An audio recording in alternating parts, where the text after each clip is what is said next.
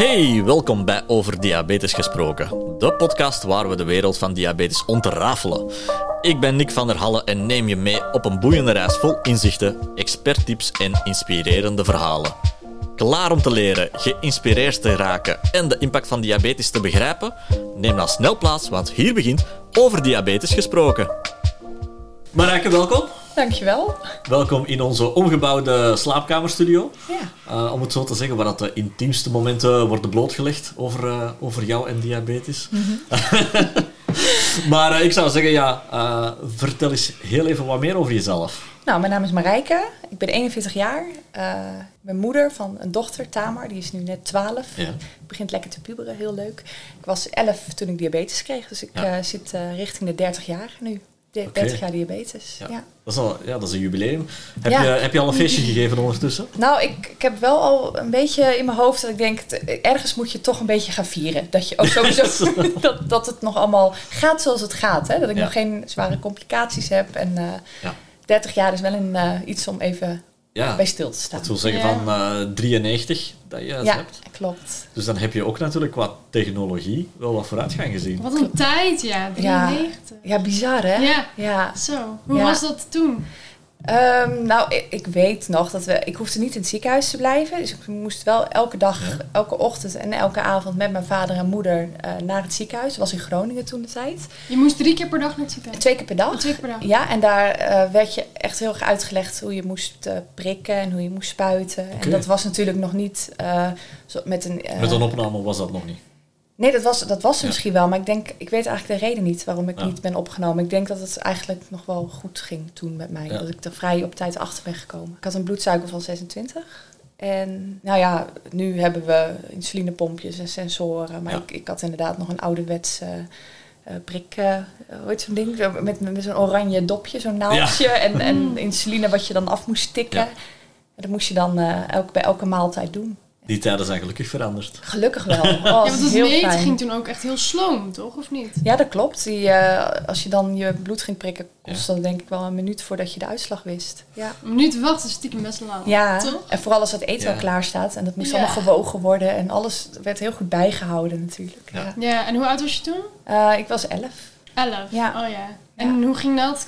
Gingen je ouders, begeleiden jou goed daarin? Ja, mijn ouders hebben me daar heel goed in begeleid. Ja, die waren vrij, nou ik wil niet zeggen streng. Ja, hoe kan ik dat goed uitleggen? Ze waren wel vrij nuchter. Ja. Dus ze hebben me nooit, nooit gezegd, oh wat zielig dat je dat hebt en wat vervelend dat je dat hebt. Het was gewoon doorgaan en we hebben dit en dit moeten we aanpakken. Ja. Ik heb ook nooit, wel een goede aanpak natuurlijk is. ja, ik heb het eigenlijk nooit, nooit als een belemmering gezien dat ik het heb eh, gekregen. Oké. Ja, ik- Nou, dat is Ja, best knap, toch? Op 11-jarige leeftijd. ja en Ik heel bedoel, dan realiseer je het wel. En dan begin je ook langzaam richting de puberteit. Ja, de puberteit was, ging eigenlijk op zich ook nog wel redelijk goed, moet ik zeggen. Ik werd er wel af en toe helemaal knettergek van mijn ouders die constant zeiden... Heb je al geprikt? Heb je al Oh, ja. gespoten? En- Ja. ja. Maar je Maar deed het je, gewoon. Je wordt ook gek zonder eh, dat je diabetes hebt van je ouders op die leeftijd. Dus, eh, Ja, dat was allemaal heel normaal. Ja. Ja, ja, ja. Ja. Oh, ja, ik heb er eigenlijk geen, helemaal geen negatieve ervaringen aan overgehouden. Nee. Echt niet. Nee. Gelukkig. Nee. ook waarschijnlijk door de, ja, de, de mentaliteit die dat je van je ouders meekreeg. Ja, Van, zeker. Ja, je maakt het een onderdeel. Je moet er toch mee verder. Ja. Dus eh, maak er het beste van. Ja. Ja, dat vind ik al wel een hele goeie. Zeker dat je die meekrijgt Mhm. eh, vanaf, vanaf het begin.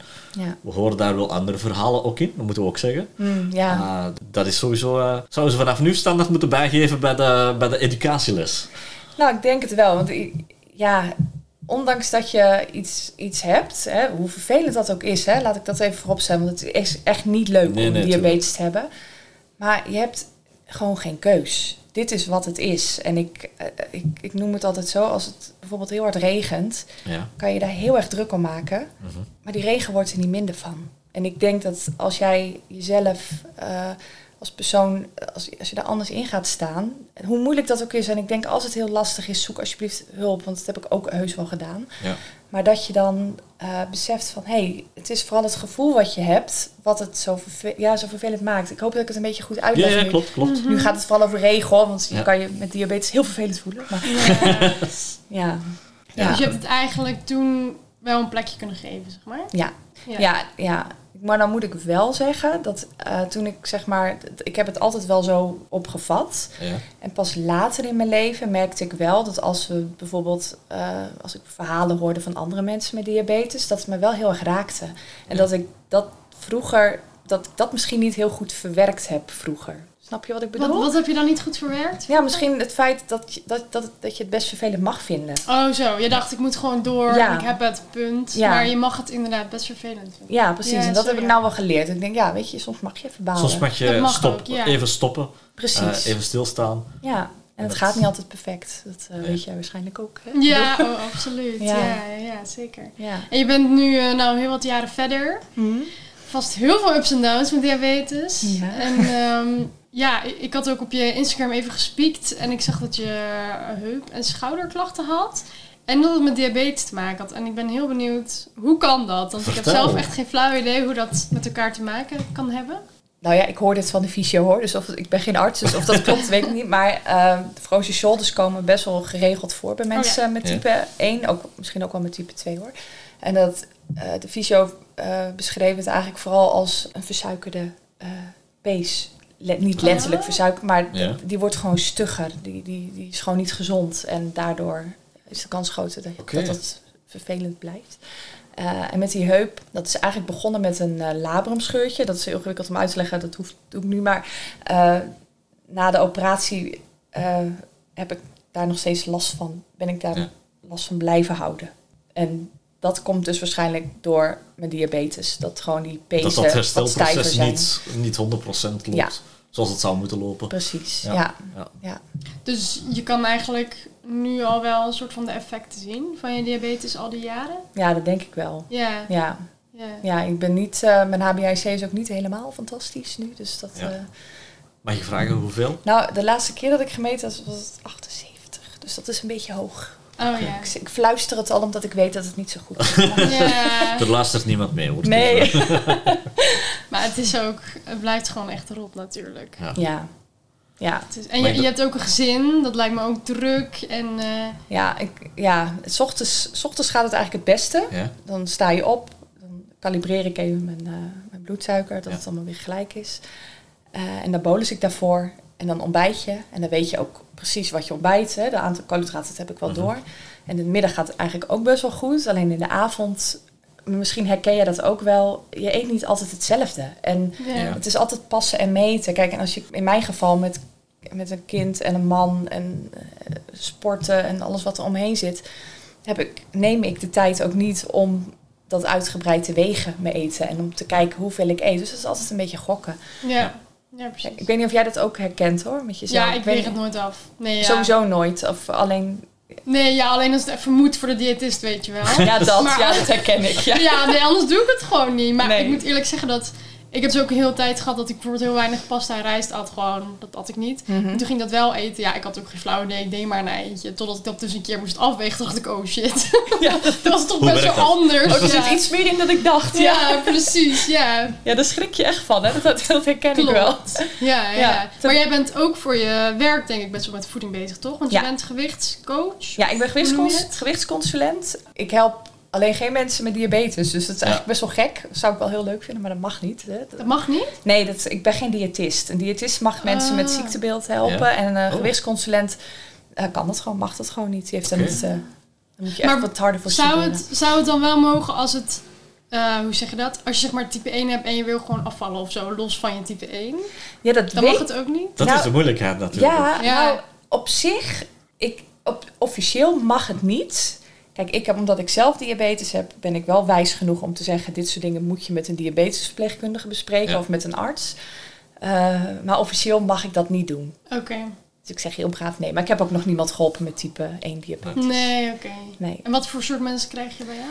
Eh, mensen die het heel erg druk hebben, drukke banen, kinderen, zichzelf eigenlijk kwijt zijn geraakt. Ja, en die achter zich- zichzelf hollen. Best Ja. wel, ja. En die gewoon ontzettend behoefte hebben aan wat meer zelfzorg. Ja. Mm, ja. Want ik vind het ook heel. Ik merk ook wel dat mensen, als je alleen advies krijgt Ja. over voeding, dat, dat is hartstikke fantastisch natuurlijk, maar daar heb je heel weinig aan. Ja, dat is stap 1. dat is letterlijk stap 1. Dus inderdaad, als je kijkt naar eh, wat er in, in iemands leven gebeurt, daar kijk ik vooral naar. En of daar misschien, ja, ik, ik zit nu met mijn handen heel erg te bewegen, Ja. en weggetjes te vinden van eh, wat past het beste bij diegene. Ja, het zijn die kleine stukjes die dat je moet beginnen aanpassen om dan die grote aanpassing eigenlijk te vol, volkomen. Ja. Dus, eh, Letterlijk, als je alle ballen hoog moet houden, hoe kan je dan ook nog op je voeding letten?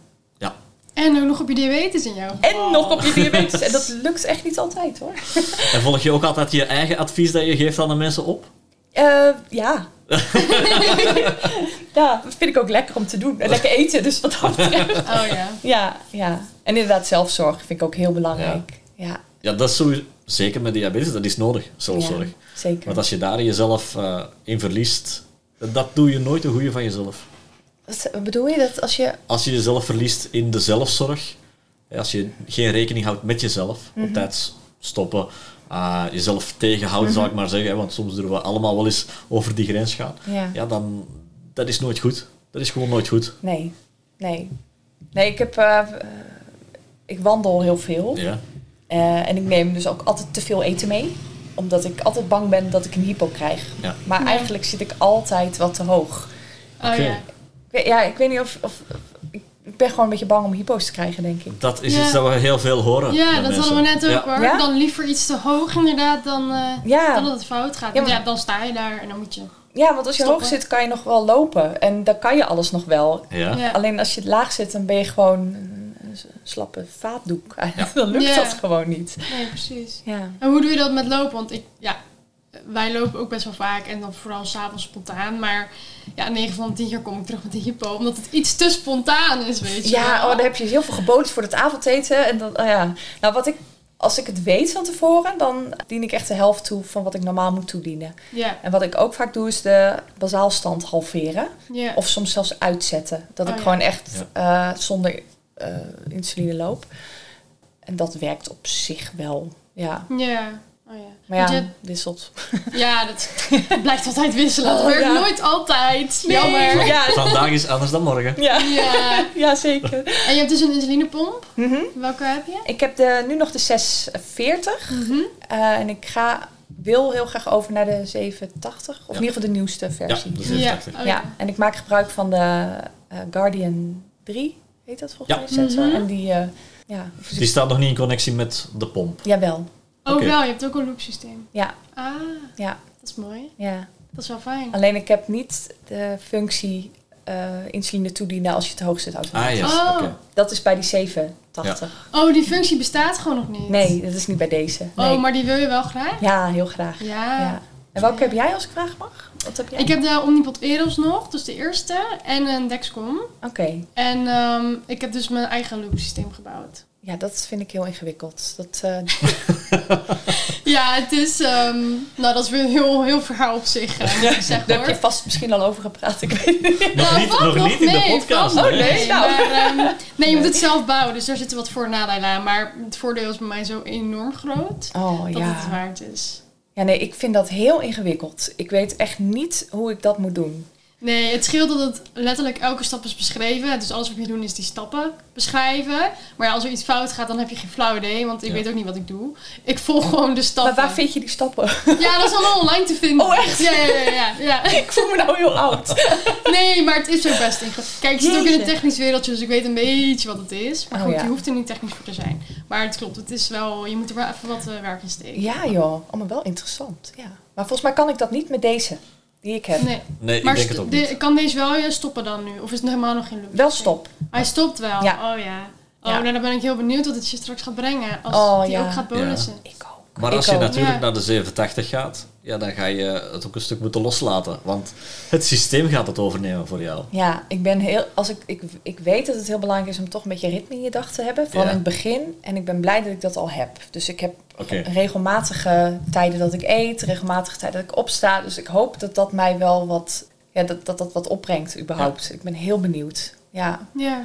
ja, maar ik moet nog even wachten. Verzekering Hoe lang moet je nog wachten? Ja. Ik, ik, ik hoop eigenlijk tot, eh, tot april. En anders wordt het nog iets later. September waarschijnlijk. Ja. Dat is bijna. ja, een jaartje het- ongeveer. Ja. Nee, nog niet, nog niet. Ja, ja. Maar ja, ik heb, Ja, het, ik heb het al 30 jaar gered. Dus ik vind het ook, ja, ik leef Maar dan wordt het ook in staat om Maar het als los te het laten. kan, dan wil je het ook. echt wel. Ja, toch? Oh ja, ik, ik ben nu ook net overgestapt. eh, ik weet een benaming niet, niet precies, maar naar die canule waar de insuline in je buik wordt De extended. Ja, Ja. dus dat die zeven dagen zit. Nou, dat is Dat echt is luxe, dat is echt luxe. Oh, zo Oh, fijn. in plaats van drie Ja. dagen. Ah. Dat is voor mij ook al heel wat. Ik wil er het liefst zo min mogelijk mee bezig zijn. Ja. Ja. Ja, snap ik. Ja. Nou, daar, hopelijk helpt het loopsysteem daar straks ook nog meer bij. Ik, ik hoop het echt. Ja. Ja. Ja. Maar heeft niet dit toe. systeem ook al geholpen? Dat het je tegen hypo's? Ja, zeker. Vooral in de nacht en in Ja, de ochtend. Ja, Ja. dan had ik altijd heel veel hypo's en die zijn nu echt weg. Ja. Je, je, je hebt gewoon veel meer vertrouwen. Ja. Veel meer vertrouwen in de dag, hoe het loopt. En dat geeft gewoon eh, heel veel rust. Ja. Fijn, ja. Ja. Wanneer heb je voor het eerst een pomp gekregen? Want ik- je begon old school volgens mij in Ja. 1993. Ja, wat cool, ja. Ehm, jeetje, wel wat.